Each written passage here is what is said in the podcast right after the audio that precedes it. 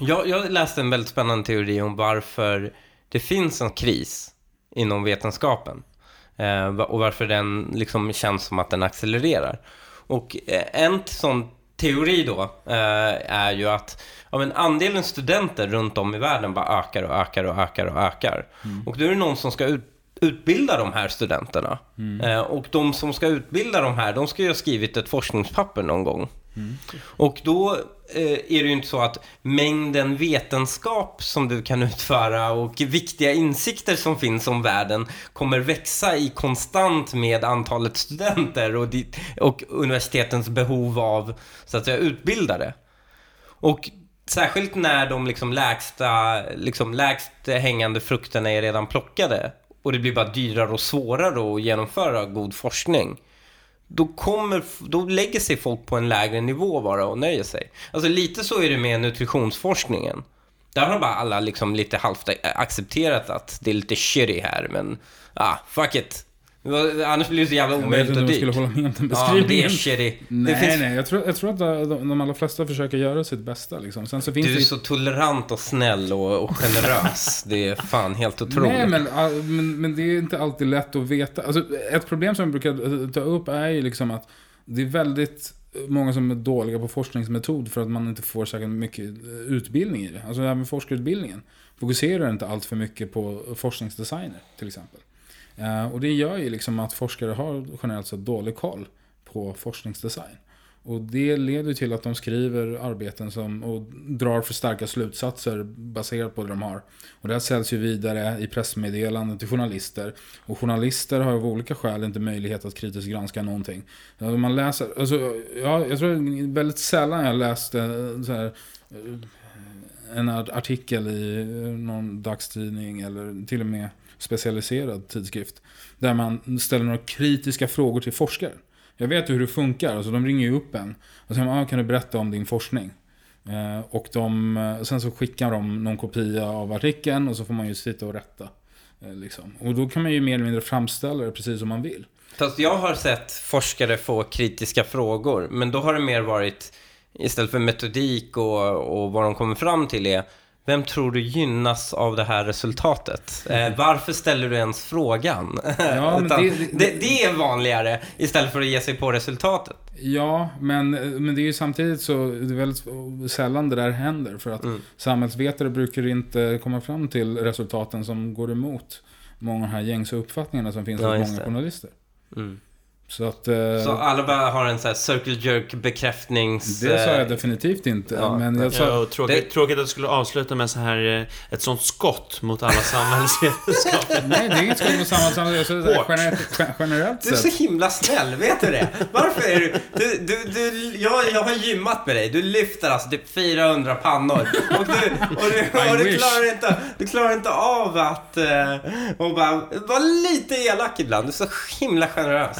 Jag jag, jag tolkar in en krigsförklaring. ja, exakt. Där. Det är. Nej, men eh, så här.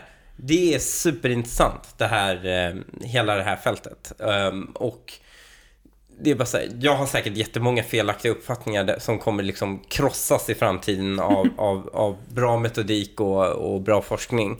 Um, och, och jag tror andra också kommer att ha det. Och jag tror det, det, är väldigt bra att du ställer upp. Och, du har ju blivit den personen som har fått liksom stå i media och du har fått nog förmod, tagit emot ganska mycket skit också, tror jag. Mm. Jo, tack. Eh, för, att du, ja, för att du liksom eh, gör det här. Men det får ju folk att liksom hålla, öppna sinnet lite, tror jag. Ja, alltså... Jag förstår helt varför folk har reservationer mot det här. För att jag kommer från den bakgrunden. Alltså både ideologiskt sett från när jag var yngre. Liksom, och, mm. eh, från dess att jag pluggade sociologi och liksom fick en eh, viss typ av världsbild. Och till att komma till beteendegenetiken och få hela den världsbilden krossad i praktiken. Eh, och sådär. Men det, alltså det är viktigt här att uppmärksamma återigen, liksom, vilket jag har gjort i andra sammanhang, att beteendegenetik handlar inte om någon höger eller vänsterfråga. För att vi inom alltså jag har kollegor från alla möjliga håll och kanter rent politiskt sett. Liksom.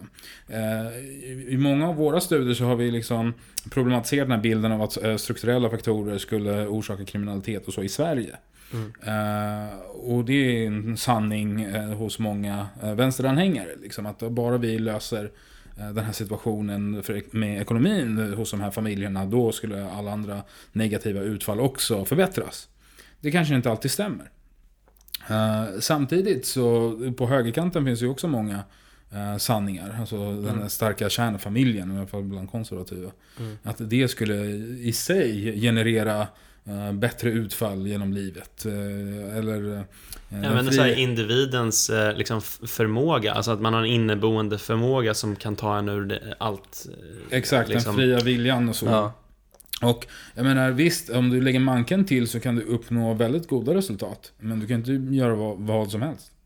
Det kommer finnas, alltså om, om du vaknar upp imorgon och bara ah, men jag vill bli världens bästa löpare. Jag vill slå Usain Bolts tid. Liksom. Lycka till kommer inte hända. Du har inte sett mig på 60 meter. Nej, men... men det liksom... Men du skulle kunna förbättra din tid avsevärt. Mm. Om du tränade mer och liksom gjorde allt annat. Liksom, och verkligen ville det. Eh, men just det gäller ju också andra typer av egenskaper som du har. Liksom. Jag menar, om du har eh, problem med impulsivitet och massa annat. Då det, det är väldigt svårt att motsätta sig det. Liksom. Um, så att uh, där, där är det liksom viktigt att kunna uh, poängtera just det här. Och sen så blir det per, autom eh, per automatik har det blivit som så att jag, jag hamnar ganska mycket i så här högerpoddar. Mm. Uh, och så. Det är ingenting jag vill liksom, uh, precis. Alltså, visst, jag tycker att alla varit, och poddat med har varit väldigt trevliga och så. Uh, och jag skulle ju gärna vilja vara hos vänsterpoddar. Eller vad Men de har inga poddar? De har, det är liksom, de har lilla drevet som tar slut där. Det är, liksom, det är de enda som finns. Okej, okay, äh, även... Äh, Mainstream-poddar? Nej, alltså inte, inte, ens, okay, inte ens poddar. Ja. Medier. Ja. Jag menar, jag blir intervjuad, men jag blir så intervjuad av Timbro och liksom hos Aron Flam och nu med mm. dig och eh, Rebecca Uvell. Och liksom, visst, det är, det är jättetrevligt och så, men, men för mig så, så handlar det inte här om en höger-vänster-fråga.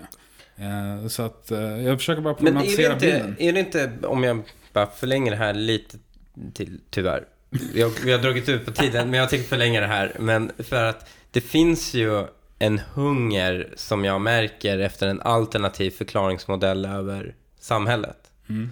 Och just nu, så den liksom kontra, liksom kontra kulturella är ju högern som driver det. Som letar efter en alternativ förklaringsmodell mm. jämfört med den som är allmänt gällande idag. En ganska konstruktivistisk tabula rasa syn på hur vår verklighet är. För jag menar, de vann ju 68 och sen så har det ju liksom i hela väst då fortsatt eh, och den här de har vunnit och nu är det liksom den nya generationen som vill göra upp med det nuvarande etablerade. Det är ju inte, alltså det är ju inte de lilahåriga postmodernisterna som är revolutionärerna. De ser sig själva lite så. Men det är ju inte det, utan de bygger ju bara, de bygger bara vidare på den idétraditionen som har blivit liksom allmänt gällande i hela väst. Eh, med, medans det riktigt kontrakulturella kommer ju från höger. Så det är kanske därför du blir inbjuden för att, inte för att det är en högerinsikt du kommer med, utan för att den går emot den allmänt gällande ordningen. Ja, eh, ja eventuellt så är det ju som så. Alltså det, det, det som jag brukar liksom... Alltså ett enormt problem under lång tid har ju varit att vi har haft en grupp experter i mainstream sammanhang som mer eller mindre har sagt samma saker i flera decennier. Eh, så vad är orsaken till brottsligheten enligt mediebilden? Mm. Det är liksom fattigdom och utanförskap och hela den bilden. Och när det, när det gäller, eh, som återgår till den här höger-vänster-skalan, liksom, så anledningen till att jag betraktar var kontroversiell, alltså inte bara av vänstervåg, utan till och med när jag medverkade i Smedjan, alltså Timbros mm. nättidning. Så var ja men Amir, den här kontroversiella forskaren, liksom. Då då, då liksom... Eh, jag satt och funderade på det. Och eh, det jag kom fram till var ju att eh, just alltså det här sambandet mellan fattigdom och negativa utfall. Det, det är liksom någonting som alla tar för givet oavsett politiskt läger. Eh, från vänstersidan så har man ju en viss typ av lösning. Man har omfördelningspolitik och allt annat. Och på högersidan så handlar det ganska mer om Piska sommar... och morot. Ja, typ. Eh, och så testar vi lite sommarjobb och hoppas på det bästa. Ja. Uh, och, och liksom ta tag i ditt eget liv. Uh, mm. Och så. Men det är ingen som har ifrågasatt huruvida det är liksom fattigdomen som driver uh, det här sambandet eller om det beror på andra faktorer som gör att folk hamnar i fattigdom som också ökar deras sannolikheter för att få de här negativa utfallen. Och, och, och det, det som jag skulle då säga är liksom att den här, det här suget efter en alternativ bild är ju för att vi är i en situation där samma experter har sagt samma sak under flera år. Och det tycks inte bli bättre mm. av det. Liksom. Och vi tycks inte ha särskilt många effektiva interventioner. Vi pratade om samverkansmodeller mm. och massa annat. Liksom, och idéer som bygger på tabula rasa på olika sätt. Och då hamnar liksom man i en situation där man intuitivt känner att ja, men det här kanske inte stämmer helt. Men samtidigt så finns det inga andra experter som säger någonting annat. Mm. Och jag menar, jag var och gjorde en intervju med eh, Tove Livendal. Mm. Eh, och det var intressant för att hon sa ju till mig, ja men du är ju så kontroversiell. Och, och då ställde jag frågan, okej okay, men hur många beteendegenetiker känner du till? Mm. Ja, det är bara du. Hur många samhällsvetare känner du till? Det är ju mer eller mindre alla. Mm, mm. och, och, och, det påverkar ju din syn. Alltså om du hela tiden omgärdar dig med personer som har en viss förklaringsmodell för saker och ting. Och så kommer det någon annan som säger någonting helt annorlunda. Då blir det ju lite... Uh, då, blir det, då uppfattas att det var kontroversiellt, oavsett vilket läge du hamnar i. Mm. Så det är inte, jag, jag, tror inte att det handlar liksom om realpolitisk fråga enbart i alla fall. Utan det, det är mer liksom att båda lägren har haft de här föreställningarna. Eh, och det är det som framförallt driver det. Sen så liksom... Jag menar, man, man, man, vet inte vad man ska göra i hög utsträckning. Jag var nyligen, var, bara häromdagen, så var jag i Trollhättan. På någon samverkanskonferens för folk som ville Eh, förebygga återfall. Och det, det, är liksom, det var jättetrevligt och det är väldigt många individer praktiker och poliser och massa andra socialtjänstarbetare som verkligen brinner för att göra någonting och förbättra situationen för många människor. Och jag menar, jag var där med, och Jerzy Sarnecki var också där. Uh, och vi pratade, vi hade ganska olika perspektiv på saker och ting. Uh, jag pratade om de här studierna som jag pratat om här idag och liksom återfall. Och, jag menar, kriminalvården har olika typer av program. Uh, där, som går ut på i hög utsträckning att få folk i arbete. Mm. för det är det, alltså arbetslinjen och massa annat såklart. Ja. för det finns ju den här föreställningen att ja, har folk jobb då slutar de begå brott. Det är det liksom som är idén. Mm. Um, och det här bygger på ganska grundläggande kriminologi, alltså kriminologisk teoribildning. Ehm, alltså generellt så kan man säga att eh, eh, kriminologerna utgår ifrån eh, två, det är väldigt förenklat, två liksom, teoretiska perspektiv. Det ena handlar om är en teori som heter strain. som är liksom en form av tryck, socialt tryck. som utvecklades av Robert Merton. och där menar han liksom att det finns kulturella mål i samhället. Alltså i, i den kontexten handlar det ganska mycket om den amerikanska drömmen. Och så finns det olika mängd eh, medel för att kunna fördelat som, för att uppnå de här målen. Och så har man ju fyra kategorier enligt en fyrfältstabell. Det finns det de konformisterna, de som delar de här målen och har medlen för att uppnå dem, största gruppen. Och sen har man de kriminella blir då innovatörerna.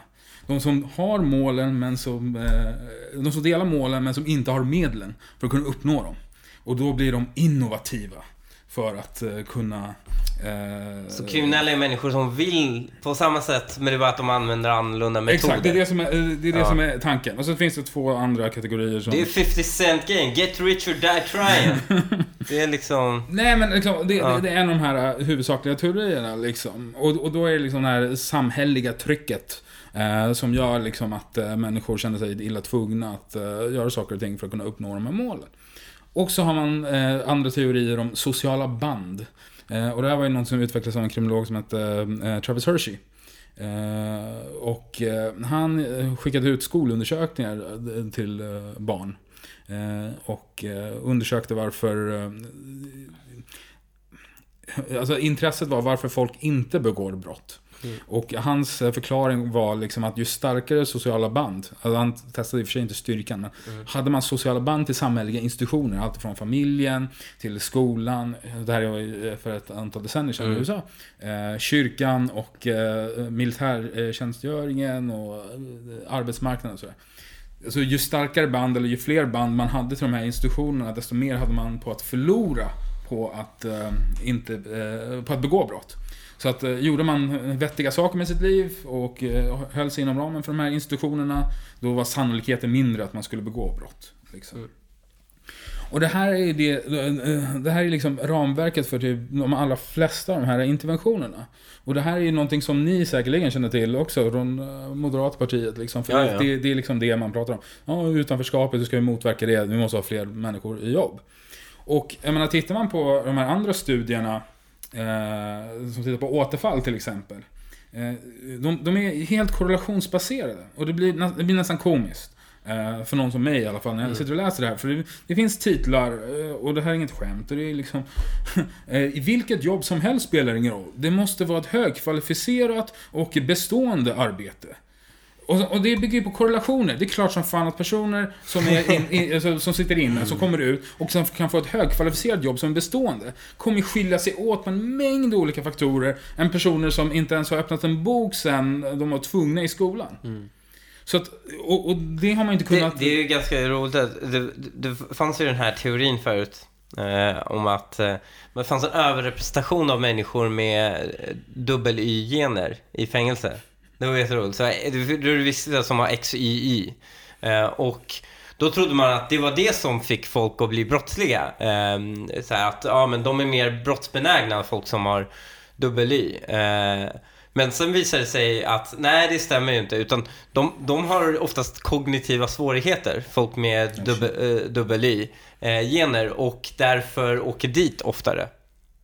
På, och därför blir insydda oftare. Ja men det, det, det är också Så- så, här... Och, och, men då blir det så här, det, om det finns, om det finns så att säga en effekt av, så här, om du inte är så smart åker du dit oftare.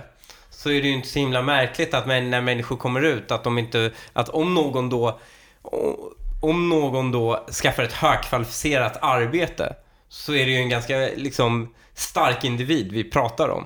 Det är exakt det, det som är poängen. Eh, och man, man beaktar inte det här. Alltså, jag menar, det var en annan framstående kriminolog som eh, har ett material av eh, 700 högriskkriminella människor. Och eh, då sa han, ah, i intervjuer har han sagt att kognitiva förmågor inte predicerar liksom, kriminalitet och annat. Ja, det är klart som fan. Alltså det, det, det, skulle motsvara att jag skulle gå och samla in data på 700 NBA-spelare. Och säga, ja men längd har ingenting med basket att göra, alltså eh, hur du presterar på basketplan att göra. Det är klart som fan att det kommer finnas en skillnad om jag jämför dem med eh, det vi kallar för normalbefolkningen. Ja. Liksom. Eh, Men just i den selekterade gruppen så kommer det inte finnas säkert stora skillnader i längd. Nej. Men jämfört med oss andra dödliga så kommer det finnas en enorm skillnad. Eh, och, just det där med IQ och, och så här, det har ju varit eh, intressant. Alltså, det finns ju storskaliga studier även i Sverige. Jag har en, en gammal kollega, eh, Thomas Frisell, som eh, liksom, genomförde studier. Liksom. Och det ser man ju liksom, från mönstringsdata att eh, ju högre eh, poäng du har desto lägre Mm. risk för att eh, bli lagförd för våldsbrott. Och då finns det ju idéer om att, alltså kritiker menar ju liksom att, ja ja men det kan vara som så att väldigt smarta människor undviker att hamna i situationer och de kommer undan liksom och därför Ja. inte hamnar liksom. Och det var ju intressant för att eh, numera så fanns det också, eh, häromdagen så tweetade jag ut det, eh, en studie från Ohio där man hade tittat på ungefär 80 000 eh, personer som satt inne. Och då såg man att kognitiva funktioner predicerade hur väl de uppförde sig. Även inom fängelsekontexten. liksom. Så att det finns en mängd olika Så den här grejen, de här kriminella, bara Don't be stupid man, när kriminella säger det till varandra för att inte åka dit. Det stämmer alltså. Shit vad sjukt. Ja, du vet, jag har inte Don't be läst om det, stupid men... Man. De visar sig stämma. jag vet inte hur stark den interventionseffekten skulle vara. Jag vet okej. inte. Interventionen har inte, men det är en korrekt identifiering av kausala... Ja, det är en korrekt identifiering av vad det kausala liksom, orsaken är. Liksom. Baserat på de, den evidens som finns tillgänglig idag. Ja, så är det. Don't be stupid man, stämmer. Nej, men liksom... eh, Alltså för att knyta ihop säcken om man Ja. säger. Vi, har, vi st- vi står inför eh, enorma utmaningar. Mm. Eh, från, eh, både politiskt sett Men- såklart, men, men även liksom inom akademin. Men tror du akademin har, så att säga, inom, politiken går det alltid, jag tror politiken har förmågan att självkorrigera sig.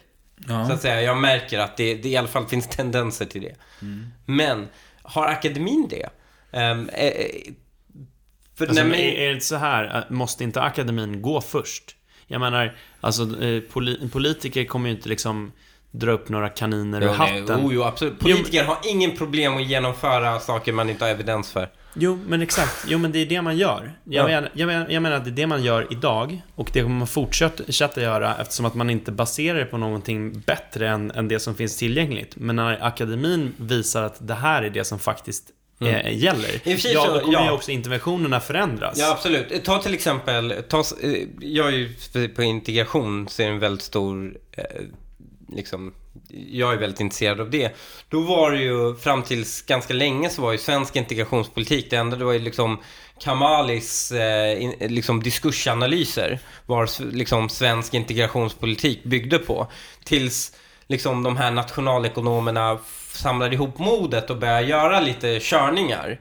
Riktiga körningar. Då man till exempel jämförde då prestationer i matematik eh, mellan invandrare och svenskar och sen såg, ja men upptäckte att nej, människor som presterar lika högt i matematik får jobb i lika hög utsträckning som svenskar. Alltså, det har ju hjälpt, det har ju hjälpt eh, policymässigt otroligt mycket. Det är exakt det jag menar. För att plötsligt då kan ju då man säga att nej men alltså det är inte mer pengar till diskrimineringsombudsmannen som behövs utan det är kanske mer pengar till vuxenutbildningen som behövs för att få folk i arbete. Och det är därför Amirs jobb är så himla viktigt. För att det är först när fler säger som du gör och fler använder eh, den metoden som eh, du och andra arbetar med som man kommer kunna fatta de relevanta politiska besluten. Jag håller med. Alltså, jag, jag tror att det finns eh, mekanismer som gör att ehm, man även inom akademin är självkorrigerande, men de är väldigt sega. Mm. Eh, och det finns alltså, otaliga exempel på situationer som eh, där kollegor, eh, inte alltid offentligt liksom, eller publikt vilka det är, har försökt sätta, sätta käppar i hjulet liksom, för vår forskning. Och massa annat. Och det, det finns också jag menar, forskningsfinansiärer som Forte till exempel. De kom ju ut med någon rapport för, eh, i somras. Där eh, någon person, någon forskare i barn och ungdomsvetenskap, tror jag, vid Linköpings universitet hade fått i uppdrag att författa en rapport eh, om negativa utfall hos barn och vad det beror på. Och då hade de till exempel refererat till en av våra studier. Där de hade sagt att ja, forskning visar att det finns ett samband mellan socioekonomisk status och eh, kriminalitet. Och så hade de citerat våra studier. ja, jo, på populationsnivån så finns ju ett samband, men det försvinner ju helt när man beaktar liksom, alltså, familjära faktorer. Mm. Och den biten som är liksom, det är det som var det centrala. Det är inte Mm. det att vi undersökte liksom samband. Där hade man ignorerat helt. Och de lovade att de skulle återkomma till mig när jag hade poängterat det här på sociala medier. Men det gjorde man ju aldrig. Och det här blir ju liksom, det, det är ju en problematiskt. Det finns andra problematiska inslag också. Jag menar, bara häromdagen så var det en artikel som publicerades i The Lancet Public Health. Eh, där man hade tittat på familjeinkomsten under uppväxten på senare risk för självmordsförsök och eh, eller självskadebeteenden och våldsbrottslighet i Danmark med danska data. Så motsvarande vår studie. Och hade man genomfört ordentliga analyser med eh, syskonjämförelser och kusinjämförelser? Nej, det hade man inte gjort. Hade man citerat vårt arbete? Ja, det hade man gjort. Hade man noterat problemet med att man måste kontrollera för familjära risker? Nej. Och det publicerades så i Danmark och, då, och jag, jag hade en Twitter-konversation med en av de här experterna i Storbritannien som var kollega med dem, han var inte delaktig, Louis Appleby. Um, och eh, han, han har varit eh, liksom expert eh, för eh, brittiska staten i så här självmordsfrågor och annat. Liksom. Och då poängterar det här problemet. Eh, för, han, eh, för de har ju fina grafer, det kan Mm. man alltid ha. Liksom, ja, men det går sämre för de som hade lägsta inkomsterna, det vet vi ju. Mm. Men vad beror det på? Det vet man ju inte. Det kan man ju spekulera i. Och då sa han, men man, man har ju tittat på det här. Det finns ingenting där att hämta i princip. Ehm, och... eh, nej, alltså de har inget svar liksom egentligen. Men det, det är ju ganska, alltså tänk vad djupt så att säga ingången i redan liksom utpräglade hjulspår du måste vara. Om du alltså läser din forskning och citerar det för att bevisa alltså motsatsen till vad din forskning kommer, eh, kommer fram till. Och sen när du poängterar att Hej, vår forskning kommer alltså fram till motsatsen av det du försöker driva här. Vad du gör då är att istället för att ändra slutsatsen du kommer fram till så tar du bara bort referensen till forskningen. För det var ju vad de gjorde i den här... Nej, jag vet inte, jag tror inte de tog bort någonting men... Eh, alltså de gjorde ingenting. Ja. Eh, de, de behöll det som Ja. det var. Så, Så det är kanske något värre, ja, det, och det tyder ju på liksom hur invan... Det är liksom en sån confirmation bias Ja. som är liksom... Det, det är lite som när sydsvenskar får för sig att jag hatar Pippi liksom. Det, det är liksom... Nej men det, det är liksom också så här Forte, om man tänker Ja. sig. Jag menar, det, det är liksom eh, statliga medel som går igenom det och Ja. de ska fördela de här resurserna. Och då anordnar de, en, alltså det är bara att gå in på deras eh, kalendarium och titta vad de har för seminarier. Allting handlar om så här, hur ska vi motverka den sociala ojämlikheten i X, Y och Z. Mm. Och, så här, och fine, det kan vara som så att den sociala ojämlikheten har någon kausal effekt på vissa typer av utfall. Helt klart. Men det gäller ju inte för allting. Men om du utgår ifrån att det är det som är själva grundproblemet. Och så bara, hur ska vi förklara den? alltså det, det, är liksom, det är det som är sanningen. Mm. Man kan inte ifrågasätta den. Det, då blir det ju liksom ett enormt problem. Och liksom, vad ska jag göra i, sådana sammanhang? Bara, "Ah, nej men tyvärr, vi hittade inget samband. Mm. Liksom, hela grundförutsättningen verkar inte hålla. För just de här specifika typerna av utfall. Ehm, Men alltså, du, då, då blir det ju...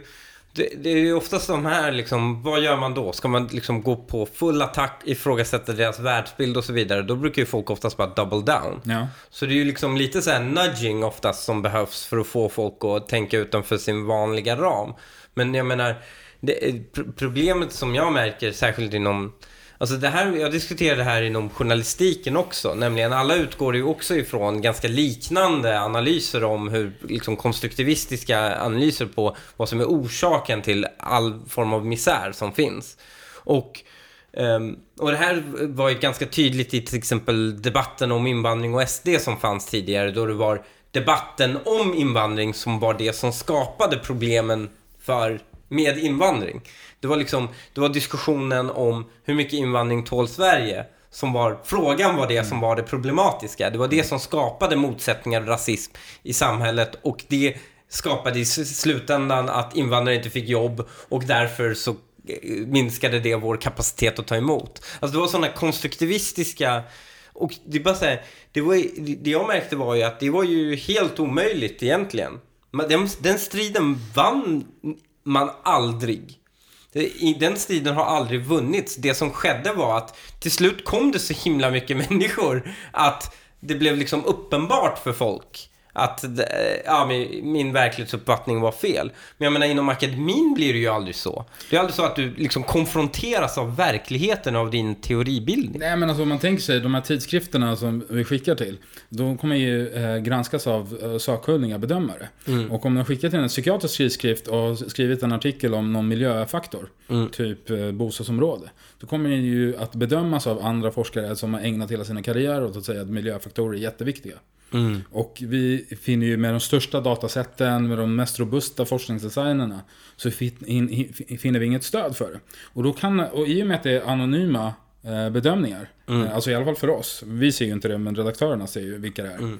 Då kan man få helt vansinniga eh, kommentarer. Och till exempel, vi gjorde ju en studie där vi tittade på eh, ärftlighet och, eh, liksom och, och, och, och schizofrenirisk. Och det här skickade vi till en väldigt ansedd eh, tidskrift inom schizofreniforskning. Eh, och en av sakbedömarnas kommentarer var ju liksom att ja, eh, tvillingmetoden, vi använder inte bara tvillingar förvisso, men tvillingmetoden är ju eh, problematisk eh, och den är inte valid eh, av X, Y och Z-skäl eh, som inte håller, men låt gå. Eh, och det här är inte, och, och den kommer visa på stark ärftlighet. Och det här är inte utan eh, problem. För att japanska prostituerade under andra världskriget fick inte eh, bistånd beviljat på grund av att läkarna trodde att ärftligheten var hög. Det här är en sakbedömning om en artikel om bostadsområdeseffekter och eh, schizofreni i Sverige. Vi skickar ju samma artikel till en annan tidskrift som, eh, liksom, där det senare blev publicerat. Och en av eh, bedömarna där, eh, alltså tänker att vi, vi, vi gör de här analyserna i en och samma modell. Så vi Mm. lägger in schizofreni och vi lägger in bostadselände, bostadsområdeselände i samma modell. Och kommentaren som den här eh, bedömaren hade var Ja, jag tror ju att, ärf, att schizofreni är ärftligt, men inte eh, sociala faktorer. Det är samma modell. Ja. Det är liksom, eh, utgår från samma premisser liksom. Och det, det är, ja. Men är det inte lite så vi ser, nu behöver, kommer jag inte avkräva dig och skjuta mot så att säga eh, kol, eh, akademiker, kollegor till aka, akademiker. Jag menar, men vi ser ju lite av tendensen i Sverige också, nämligen någons hela jävla livsverk håller på att dras undan. Liksom. Det, det här, den här slakten som Uppdrag granskning gjorde på Jersey eh, till exempel var ju den var underhållande om något. Men man kan ju förstå också hur någon double down för att försvara hela sitt jävla livsverk. Men han har ju kört all in på att det är socioekonomiska faktorer. Eh, han har eh, företrätt den här ersättningsteorin som finns med till exempel kom, liksom, ha, ha, kommer in 10% ny befolkning och de är fattiga, då tar de kriminaliteten från de tidigare 10 procenten som begick brotten. Eh, och så vidare. Och så här, helt galna teorier eh, kan man för en högerperson. Men det, han har alltså, han har varit king of the hill här i, i svensk kriminologi då i, i, i ganska lång tid. Han har varit go-to guy för media och nu så motsägs ju nästan eh, liksom, ja, med grundfundamenten för hans forskning. Och det är klart att han kommer double down. Eh, vem, vem släpper på det i, i liksom ålderns höst? Så, så man förstår ju lite. Alltså... Nu psykologiserar jag kanske honom för mycket. Eh, alltså, eh, till skillnad mot vad många tror så, eh, jag, jag gillar ju Jerzy på Ja. väldigt många eh, sätt liksom. Och vi träffade honom Ja. nyligen och han lyssnade ju på mitt föredrag. Eh, och vi hade en trevlig eh, flygresa tillbaka till Stockholm. Eh, vi diskuterade en mängd olika frågor. Sen så håller vi ju inte med varandra i alla frågor och eh, har ju lite olika uppfattningar där liksom. Eh, och han menar ju, alltså efter att han hade hört på mitt föredrag och vi diskuterade lite, så sa han ju till den här publiken att kriminologer inte tror att de här socioekonomiska faktorerna utgör själva grundorsaken. Men att det påverkar en mängd andra typer av negativa utfall, alltså negativa faktorer i familjen. Och det är det som orsakar problemen. Och. Och det finns ju många problem med det, eh, med det argumentet. För att eh, det i sig skulle ju implicera att eh, de socioekonomiska faktorerna är själva grundorsaken. Mm. Det är bara det att man har så kallade mediatorer, alltså något som förklarar effekten av inkomst på utfallet. Men grundorsaken är själva inkomsten eller den socioekonomiska faktorn. Eh, Men låt gå. Men, Men det är intressant för han använder exakt samma... Han, han avfärdar ju idén med mediatorer. Han använder ju det, just det för att avfärda vissa... Typ när, när vissa säger att invandring leder till eh, brottslighet exempelvis. Då går han ju på och säger nej men det finns ingenting i invandringen som orsakar brottslighet. Och det är ju, det är ju sant. Alltså, det finns, i- om, om jag går över en gräns så sker ingenting med mig som gör så att jag blir mer brottslig. Eh, eller det finns vissa som försöker teoribilda om att det är ett annorlunda samhälle, du känner, mindre lojalitet och så vidare. Så här, det men, men det mesta säger att det händer inte så himla mycket om du går över en gräns. Ehm, men det, det, är ju, det, är ju, det är ju mer retorik än egentligen, för ja men okej, men leder invandring till ökad brottslighet eller inte?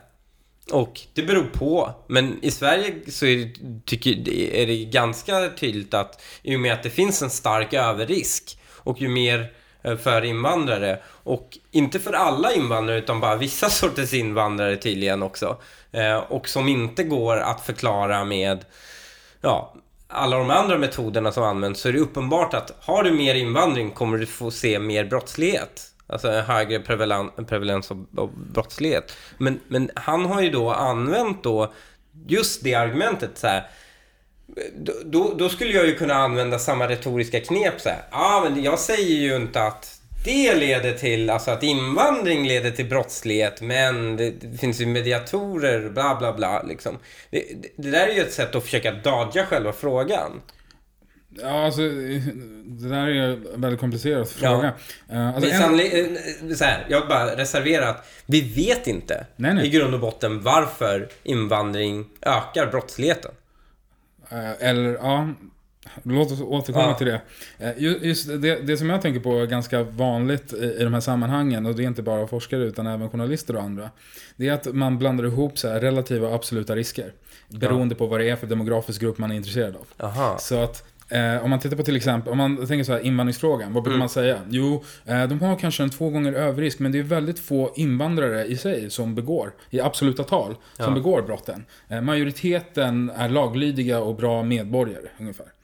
Men sen direkt efter, i nästa mening, så är det så här, ja men fattigdom ökar ju risken med fem gånger, eller vad det nu ja. kan vara liksom.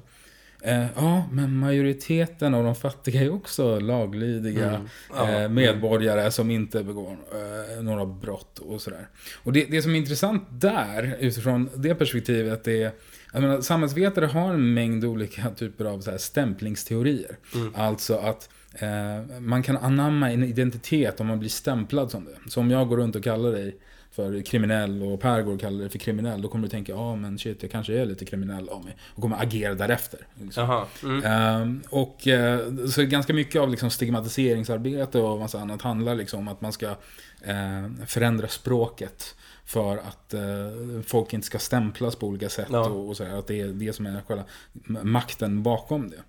Och jag brukar ju alltid säga så här, ja, men uh, ha ett tankeexperiment. Uh, och att du är en utomjording som kommer ner på jorden och läser sociologisk litteratur.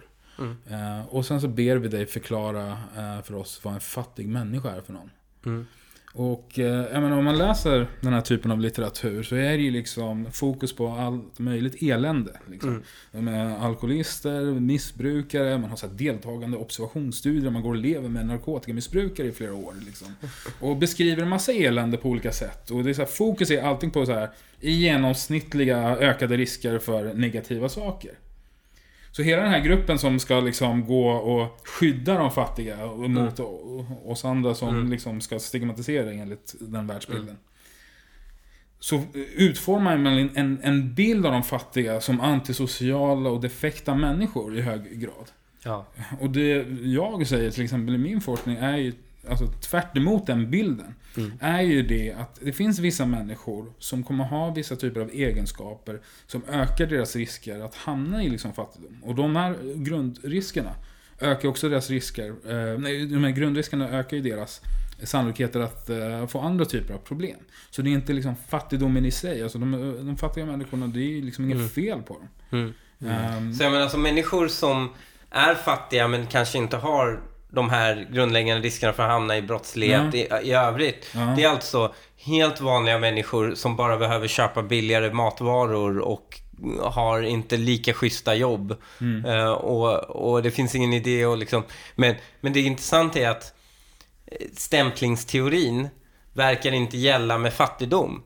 För jag menar, då borde ju teorin, om, om alla bara springer runt och bara, men du är skitrik.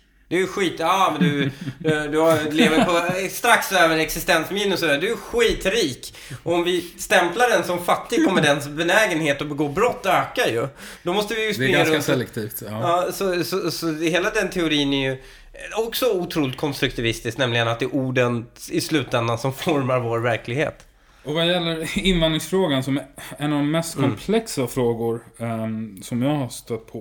Och jag försöker oftast mm. undvika mm. den av olika skäl. Liksom, mm. för att uh, det finns ganska rabiata debattörer från båda sidor av hållet. Ja. Liksom. Uh, och den frågan, och det är precis som du nämnde där. Alltså, jag menar, har de överrisker? Ja. Vad beror det på? Ingen aning. Eh, och det finns inga så här, genetiska studier som påvisar det. Alltså, många rasister och andra eh, verkar hylla mig för att de tror liksom, att vi har visat att rasbiologi funkar. Det är långt ifrån. Liksom.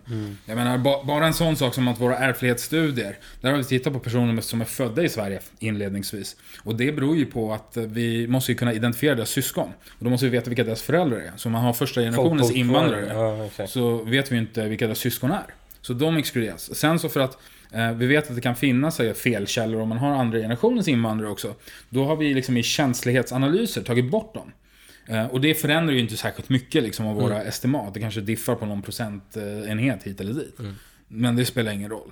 Eh, och, Så ni har kommit fram till era slutsatser på pursvenskt material?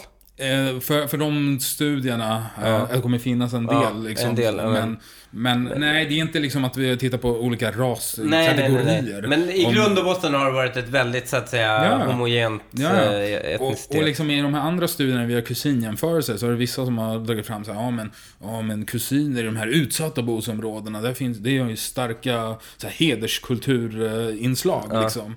Eh, och eh, vi har ju på samma sätt så har vi exkluderat eh, andra generationens invandrare där. Det blir ju ingen större skillnad.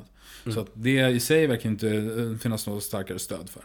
Sen så liksom, när det kommer till den här frågan, och det blir också så väldigt roligt. Så de här, eh, för jag är liksom lite i mitten av den här diskussionen. Å ena sidan finns det ju liksom här kriminologerna som säger ja men vi har ingenting att vinna på att eh, genomföra en ny undersökning på just invandring och kriminalitet och, och sådär. Och så å andra sidan så finns det ju personer som säger ja men vi måste ha mer information. Så okej, vad ska ni göra med den informationen? Så vi ska ha informationsinsatser. Aha. Nämn en studie som har visat på någon form av effekt av någon informationsinsats riktad mot en sån här grupp. Moderaterna har ju drivit, eller Moderaternas talsperson har ju drivit den så här. För då har det varit så här, vi borde kolla överriskerna liksom bland eh, överrepresentation av invandrare. Och då säger de så här, men vad ska vi med den informationen till? Mm. Har ju då, får ju så. Och då ger vi ett jättetöntigt svar i form av typ, eh, ja men då kan man till exempel när det kommer till sexualbrott kan vi välja att rikta information till vissa grupper. Vilken information ska ni rikta? Ja. Och- och det är liksom- Ja, men det, det, är ett... Det, det utgår ifrån så här. Är det att de inte känner till svensk sexualbrott? Är det det som du tror är orsaken till att man typ gängvåldtar någon? alltså Mm. att, ja men vi visste inte att man inte får göra det här. Mm. Not a chance. Eh, utan eh, också, finns det någon evidens som tyder på att informationsinsatser ändrar normer Men i fast, så fast jag har inte riktigt med. Alltså jag menar, att inhämta information är väl berikande i största allmänhet. Alltså att... Ja, fast, alltså, fast, som- att motiveringen, Ja, men att mä- motiveringen. Jo men, jo det måste vara. Men alltså bara på det generella planet så här att, att, att inhämta information och alltså eh, bli mer kunnig Mm. Är väl i sig någonting gott. Nej, Jag- men, jag- fast- jag håller fast helt det- med. Ja, fast vi motiverar det med att vi då kan vi göra en massa politiskt massa insatser. Ja, men det kan man, det, kan man och det är resonera bara, kring. det är bara sk, sk, skitsnack. Eh, för att Ja, ja. man vet inte i grund och botten. Det handlar, om, det handlar snarare om en transparens, nämligen att eh, mer information är b- bättre. Mm. Och och det handlar inte heller om att inhämta någon information. Nej. Den här informationen finns. Ja, det, är att vi inte vill, den, det, det är att vi ska publicera den. Ja. Alltså, det, det är absolut, eh, jag, jag håller helt med. Eh, Men eh, grejen är den att det är just den här frågan, där man inte sammanställer informationen. Det, det, det, alltså samma argument skulle man inte kunna eh, anföra vad gäller liksom cancerstatistik från 70-talet framåt. Jag bara, ah, men det har legat på ungefär två gånger överrisk liksom, i den gruppen. Alltså behöver vi inte genomföra studierna igen. Så här, liksom, det, det skulle ju aldrig hända. Jag menar, de redovisar det här löpande. Eh, och det är inte svårt att ta fram data. Det tar några minuter i princip för den som är någorlunda kunnig. Eh, för att det är ganska enkla liksom, register att sammanställa i. Men, Detsamma gäller arbetslöshet. Alltså vi har jättedyr rullande Ja. arbetslöshetsundersökning som ligger på det är 10 000 individer eller vad det är liksom. A- AKUn som är skitdyr. Den har vi rullande varje månad. Eh, där vi då kollar massor av så här, om, eh, om de är utrikesfödda, om det är kvinnor, män och så vidare. Och det är inte så himla stor diff mellan män och kvinnor varje gång liksom. Nej. Men vi redovisar det och vi redovisar det varje månad det åker upp ja, liksom. men ta bara liksom något som självskadebeteenden. Det är Ja. aggression riktat inåt. Mm. Det är ingen jävel som skulle ha något problem med att redovisa det här löpande. Nej. Men när det är aggression riktat utåt, Då Mm. helt plötsligt är det här, eh, markant skillnad i Mm. eh, vår benägenhet att vilja publicera det. Och det finns ju politiska och andra skäl till varför man anför det. Men det är inget så grundsakargument. Sen vad gäller ju liksom, visst, man har, när man gör deskriptiva analyser av det här slaget, när man tittar på olika grupper och ser, ja men vad har de för eh, en prevalens, eh, liksom vad gäller eh, kriminalitetsgrad på olika sätt, om det är lagföring eller någonting annat. Och, och sådär, och det, det, det skulle man ju kunna göra. Och det, det, det kriminologerna då säger är ju att, ja men att det är så, det vet vi. Vi måste ta reda på orsakerna. Ja, det låter ju intressant, men vad, vad menas med det liksom? Och vad, vad, liksom, vad har man gjort? Inte särskilt mycket. Det har man ju inte gjort. Och det är ett stort problem. Ehm, en sak som jag tycker är intressant, och det är liksom, folk har fått upp ögonen för det här nu. Jag har kritiserat kriminologer i media ganska mycket. Och den kritik som jag får tillbaka när jag gör det, så ja, men, jag, jag hade liksom en intervju med Ivar Arpi till exempel, och några, någon sommarintervju. Och eh, rubriken var ju typ att de, de mesta kriminologer säger är förmodligen fel. Ja. Och det är liksom... Och det byggde ju på de här metodologiska problemen som finns i fältet. Som gör att man kan, kommer fram till eventuellt felaktiga svar.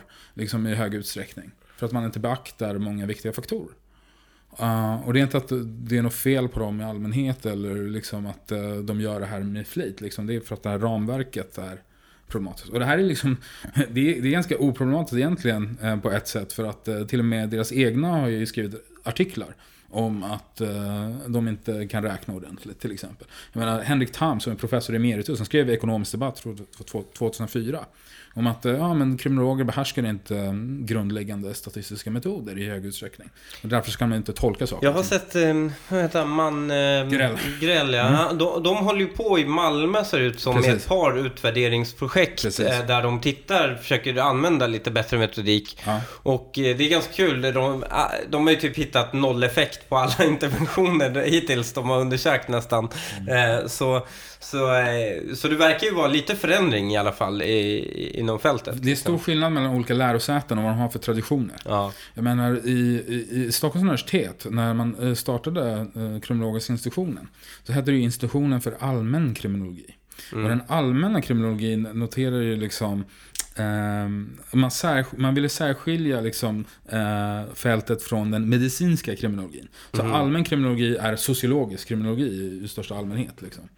Eh, man har haft andra typer av perspektiv på andra ställen. Till exempel vid Örebros universitet. Då har eh, ett par forskare, eh, paret Andershed Anders Hed och några andra, har ju Eh, utvecklat eh, institutionen mer från en psykologisk eh, inriktning. Liksom. Man har haft medicinska inriktningar långt upp i landet, vid Mittuniversitetet. I Malmö högskola så var det framförallt Marie Torstensson Levander och Sten Levander och några som hade lite mer så här, rättspsykiatrisk inriktning och lite mer sociologi såklart. Så att trots att alla de här institutionerna heter kriminologiska institutionen så har de väldigt olika perspektiv liksom, som de utgår ifrån. Eh, och det kan ju förklara en, en del av de här skillnaderna. Men om vi återgår till själva grundfrågan om invandring och kriminalitet.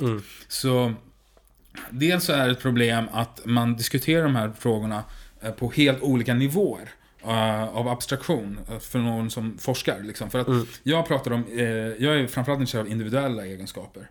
Eh, Medan invandringsdebatten handlar ganska mycket om makroeffekter, alltså på gruppnivå. Det är det som substitutionshypotesen går ut på. Alltså att eh, eh, invandrare kommer hit, de övertar eh, de fattiga svenskarnas positioner, vilket gör att de begår brott. Så att fattigdomen i sig är eh, den effekten av det. Och det är det som är problemet med det där, om man inte tittar på individuella faktorer, är ju liksom att man vet ju inte om det beror på att invandrarna har högre kriminalitetsgrad eller att det påverkar svenskarnas kriminalitetsgrad eller om både ökar eller minskar och sådär. Så det är väldigt svårt att veta vilka det är som gör någonting. Jag är mer intresserad av individfaktorer. Och när jag gjorde den här intervjun med Ivar och, och sådär och fick kritik från kriminologer så var det det att, ja men de majoriteten av, det finns väldigt få kriminologer som är intresserade av varför människor begår brott. Och det här folk blev ju så förvånade. Men, vad gör de annars? Ungefär. Ja. Ehm, och det finns en mängd olika grejer de gör. Alltså de, jag menar Manne Grell till exempel, alltså hans grundfält är ju liksom geografisk kriminologi. Så han är ju intresserad av var det begås brott. Eh, f- eh, och så framförallt. Men nu har han ju, eh, efter att han har disputerat nu, så fokuserar han ganska mycket på intervention av olika slag och sådär. Fantastisk forskning.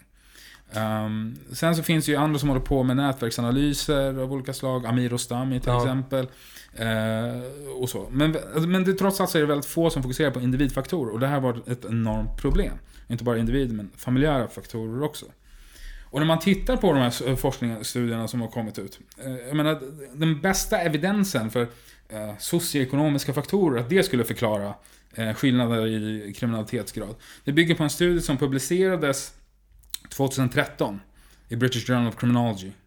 Eh, och eh, ti- huvudtiteln är ju liksom eh, Crime as the price of inequality. Så redan där så får man en aning om vad det här kommer leda någonstans. Och det här är liksom den bästa evidensen vi har i dagsläget och det är liksom vad Morgan Johansson och andra eh, refererar till hela tiden. Så här, forskning från Stockholms universitet redovisar att si eller så. Mm. Och sen är det en länk till den här studien. Då är den här fakta om migration till exempel. Ja, Där, oj, eh, där så pratar man om den här. Till exempel. Och ehm, ja, vad, vad har man gjort då? då? Eh, är det liksom en totalpopulationsundersökning? Nej, det är det ju inte. Det är en relativt sett i sammanhanget liten studie på ungefär 70 000 personer. Eh, om jag inte minns helt fel, jag läste den för ett tag sedan, så det kan finnas lite felaktigheter i min framställan Men jag tror att i huvudsak så stämmer den. Mm. Så vi antar att det är ungefär runt en 70 000 personer. Eh, och eh, de ska ha genom, eh, de ska ha klarat av grundskolan, eller gått ut grundskolan snarare, eh, mellan eh, 90 och 93. Mm. Och eh, som krav har man ju då haft att eh, de ska ha klarat av, eh, de ska ha migrerat ungefär fem år innan de gick ut skolan. Vilket är rimligt. Men det, det innebär ju liksom att eh, inga invandrargrupper efter, 70 eller efter 90-talet Mm. är inkluderade. Mm. Så att det här är liksom den bästa studien vi har. 70 000 bara personer och sen är det de här... ehm, och många grupper som har högre risker är inte Från vilket land? Det, det där är en väldigt intressant fråga, för det är ett, eh, ett av de här stora problemen som vi har med den. För om vi tänker oss att det är 70 000 personer som var, liksom, eh, bo, bodde i Stockholm. Mm. Så, och sen så säger man att, ja men baserat på födelseländer. Mm. Och vi, vi har ett antal födelseländer. De redovisar inte vilka födelseländer det är. Och det är på mammans sida som de har. Mm. Så vi vet inte hur fördelningen ser ut mellan olika nationaliteter. Och jag tycker att om, om exponeringen är liksom eh, den här bakgrunden man har. Mm. Eh, för att anledningen till att vi säger bakgrund och ingenting annat är ju för att det bygger på födelseländer. Men forskarna var mer intresserade av etnicitet. Men vi har ju ingen registrering av etnicitet. Så det de har gjort istället är att de har eh, använt som proxy, Eh, som en ersättning för, eh, eh, för etnicitet. Så har de sagt att ja, men då kan, vi, ehm, då kan vi dela upp varje invandrargrupp efter, födels, efter ankomståret också. Så har du liksom en grupp från ett givet eh, födelseland från mammans sida. Och sen så har du separerat dem ytterligare i, i grupper av ankomstår. Det blir väldigt små grupper. Mm. Och det i sig kommer leda till att effekterna blir mindre. Och så där. Det finns en massa tekniska problem med, liksom, med Men alltså, eh, där- därutöver, jag bara tänker, och det här är ju ett så här allmänt problem som fin- fin- finns med svensk registerdata, är att det är helt omöjligt att avgöra vem som kom som kurd. Mm. Alltså etniciteten kurd. Mm. På 80-talet, det var en ganska stor grupp som Mm, kom. mm, Eh, de var blandade i gruppen iranier och iraker som kom då. Mm. Eh, men det är helt omöjligt att avgöra i statistiken, så det, är liksom gissningslekar. Mm. Eh, detsamma gäller eh, liksom när man försöker avgöra om hur många perser det är, för då utgår man ifrån, ja men Iran ger en indikation, men då ska du exkludera kurder, balucher och så vidare. Så, så det, det, men det är också, jag, jag tycker att sådana, just att när man blandar in etnicitet så tycker jag att man, eh, man blandar ihop korten lite, känner jag. Ja, när man blandar ihop etnicitet, för vi diskuterar, okej, de migrationsformer som finns till Sverige, vad får det för makroeffekter? eh, totalt sett. Och då är det faktiskt ganska irrelevant att titta på etniciteter. Man kan ha andra typer av Ja. intressen. Men Mm. det är inte det som är huvudproblemet med det här. Huvudproblemet är ju också att de, de tittar ju på, eh, vid något tillfälle när eh, personerna är här, så, så mäter de, jag tror att det var 1990 faktiskt, Mm. så mäter de de här socioekonomiska faktorerna. Det är, då- då- då- det är Mm. då man har mätt det. Så det är liksom när barnen är stora. Liksom. Mm. Ehm, I princip när de går ut grundskolan. Och Och då vill man justera för en stort, ett stort antal av de här. Man kan diskutera varför man vill ha ett väldigt stort antal, men man Mm. har ett stort antal. Eh, Som överlappar ganska starkt. Så liksom du har föräldrarnas utbildningsnivå och inkomst och om de någonsin under det givna året har varit, eh, har haft någon sysselsättning. Och Mm. Väldigt eh, så här, högt korrelerade mått liksom, Mm. har man haft i den här modellen. Och här är det viktigt, för att förstå liksom, kausal inferens, så måste vi, måste vi tala om två olika koncept här. Eh, Det ena är confounding och det andra är mediation. Och confounding be- betyder att du har en tredje variabel, i det här fallet eh, socioekonomisk status, Mm. som orsakar både exponeringen, alltså invandringsstatus eller vad man vill kalla Mm. det, och utfallet, kriminalitet. Mm. Om det är så och du får en reduktion av sambandet så kan det sambandet förklaras av den här tredje variabeln, alltså socioekonomiska statusen. Och det är det man antar i de här studierna, liksom att det är en confounder. Men det innebär ju då att inkomsten skulle då orsaka ens, i det här fallet, etniska bakgrund. Om det det. Och det är ju inte rimligt. Nej. Det andra sättet att se på det är ju mediation. Och mediation innebär en tredje variabel som orsakas av eh, exponeringen och som i sin tur sen orsakar utfallet. Alltså att eh, invandringsstatusen orsakar socioekonomisk status och sen är det i sin tur orsakar utfallet. Ja. Men det innebär ju liksom att exponeringen är orsaken där, enligt den modellen. Mm. Och det är det de har gjort. Så enligt deras egna studier så visar det, liksom, om man ska tro liksom, på det, att det är den etniska bakgrunden som skulle då orsaka kriminaliteten. Jävlar. Så att, men jag, jag tror inte att det är så. Jag tror Ja. att eh, man, man behöver göra andra typer av analyser. Jag tror ju inte på den modellen. Det finns Leif GW har ju pitchat den här idén om att, vilket inte behöver vara så dum, nämligen att människor som migrerar är oftast mer risktagande individer. Ehm, och att det finns en sån faktor. Eh, och särskilt, det vore ju osannolikt, att, särskilt med tanke på att asylmigration till, till väst är en ganska riskfylld aktivitet.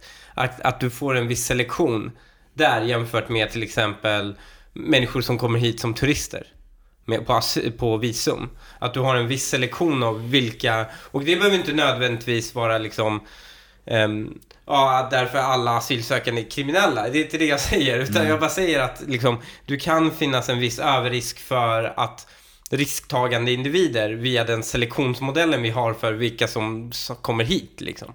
Nej, alltså selektion är ju ett Ja. ofantligt stort problem. Och man kan inte göra någonting åt det. Nej. Det bästa, bästa, är liksom, bästa exemplet på det är de här internationella adoptionsstudierna som finns. Ja, Och då tittar man ju på så här barn som växer upp i Sverige, som är adopterade från olika länder. Och så ser man att de i genomsnitt har ju högre nivåer av självskadebeteenden och det går sämre för dem i skolan, och en massa andra negativa utfall. Mm. Vad beror det på? Ingen aning.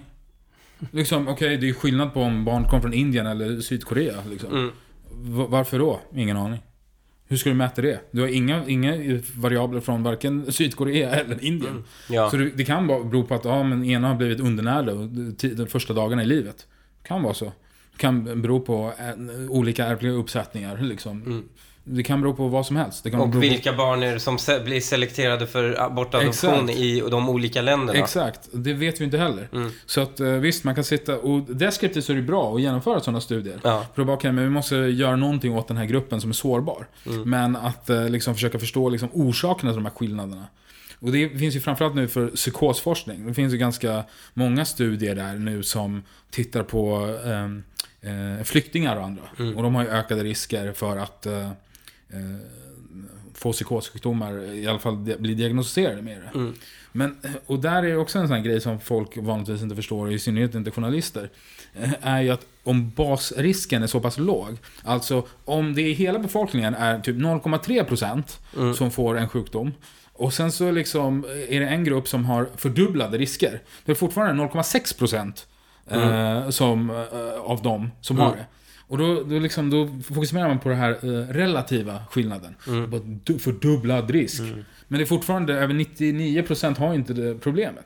Så när det gäller att identifiera faktiska personer som har ökade risker för psykossjukdomar, så är det, så är Så är det liksom, variabel... då är det, så här, är det ett värdelöst. Ja. eh, mått liksom, för att fånga upp det. Så Ja. rent kliniskt sett så hjälper det inte någon, eh, någon läkare som sitter där och ska bedöma någon. Så här, vad det Men, men då borde ju så att säga faktorerna vara så, så många variabler som möjligt. Så många saker som identifierar Nej, det, det, som möjligt. det finns det- stora problem med det också. Man, för det, det, det är det som har varit många... Eh, eh, eh, en lösning Ja. eh, på det här problemet har ju varit under lång tid att man ska ha så många faktorer som För, möjligt. för jag, bara ska, jag ska bara dra ett exempel. Liksom. Så om jag ska, om jag ska eh, undvika att bli rånad. Ja. Okej? Om jag ska undvika att bli rånad. Om jag bara går efter så här. Ja men jag rör mig inte där det är, eh, det är liksom invandrare. Om man skulle utgå ifrån det för att det finns en överrisk eh, hos invandrare. Det är ju en jävligt dålig strategi. Eh, för att min sannolikhet att bli rånad av en invandrare är så himla låg att ja, men jag undviker att gå till Grekiska föreningens pensionärskväll liksom för då riskerar jag att bli rånad. Alltså det är bara en dålig faktor. Däremot om det är en grupp unga en vardag klockan ett på natten i en park där det är mörkt, det luktar braj, liksom. Då börjar det komma upp i väldigt många faktorer som är så här. Det är kanske inte helt tryggt att gå igenom den här parken just nu. För att det är många fler variabler där ehm, än, än, än bara invandrarskapet. Mm.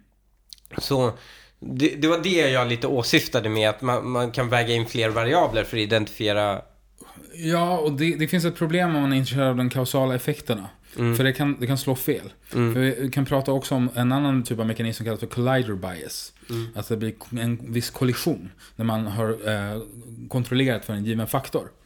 Eh, ett bra exempel på det är, var ganska nyligen, eller häromåret. Då hade Washington Post genomfört en analys på 3 miljoner amerikaner typ. Eh, och eh, då var man intresserad av den här frågan om eh, asiatiska amerikaner, Asian Americans.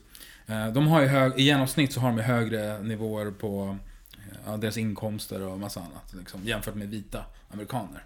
Eh, och det här är ett problem utifrån ett diskrimineringsperspektiv. Om man liksom, för hela tiden så jämför man ju vita med svarta. För Mm. där finns det stora skillnader. Man beaktar sällan de as- äh, asiatiska amerikanerna. Ja, men det är väl, eh, jag tror Harvard eh, Jag vet. släppte att eh, andelen asiater skulle varit så här tre gånger så högre i, i, eh, om, om inte Mm. om, om man inte diskriminerade dem. Ja. Eh, man diskriminerar ju aktivt asiater i Harvard Ja. för att ge tillträde till andra grupper. Mm, för att det är problematiskt med vissa raser. antar Mm, jag. mm. Ja, vilket man också gjorde för ett antal decennier sedan, där man inte ville ha fler än 3% judar. Ja, så det var ju eh, en regel som man instiftade Mm. i... Så man har en Tyskland historia av 30 att uh, vilja klassificera människor, inte efter deras förmågor och prestationer, utan efter deras Fast nu rastillhörighet. är det de goda som gör det. Ja, ja. Så då får du vara Ja, alltså, jag, försiktig. jag, jag, jag tycker att sånt är jävligt problematiskt, men eh, låt gå. Vad var det du pratade om? Vi, vi pratade om eh, eh, asiater, Washington Post. Just det. Eh, och eh, där såg man inledningsvis att det var större skillnader i inkomst Mm. mellan de här. Eh, men så justerade man för eh, pri, alltså, omkostnader i bostadsområdet. Alltså vad det kostar liksom, att bo i ett givet eh, Mm. bostadsområde. Liksom. Och då försvann skillnaderna mellan de här. Och då måste man ju fråga sig, eh, okej hur ser de här kausala sambanden ut då? då? Så då har du liksom eh, den här eh, etnicitet liksom, som exponering och så har du inkomst som utfall. Och sen den tredje variabeln är boendekostnader. Typ. Mm.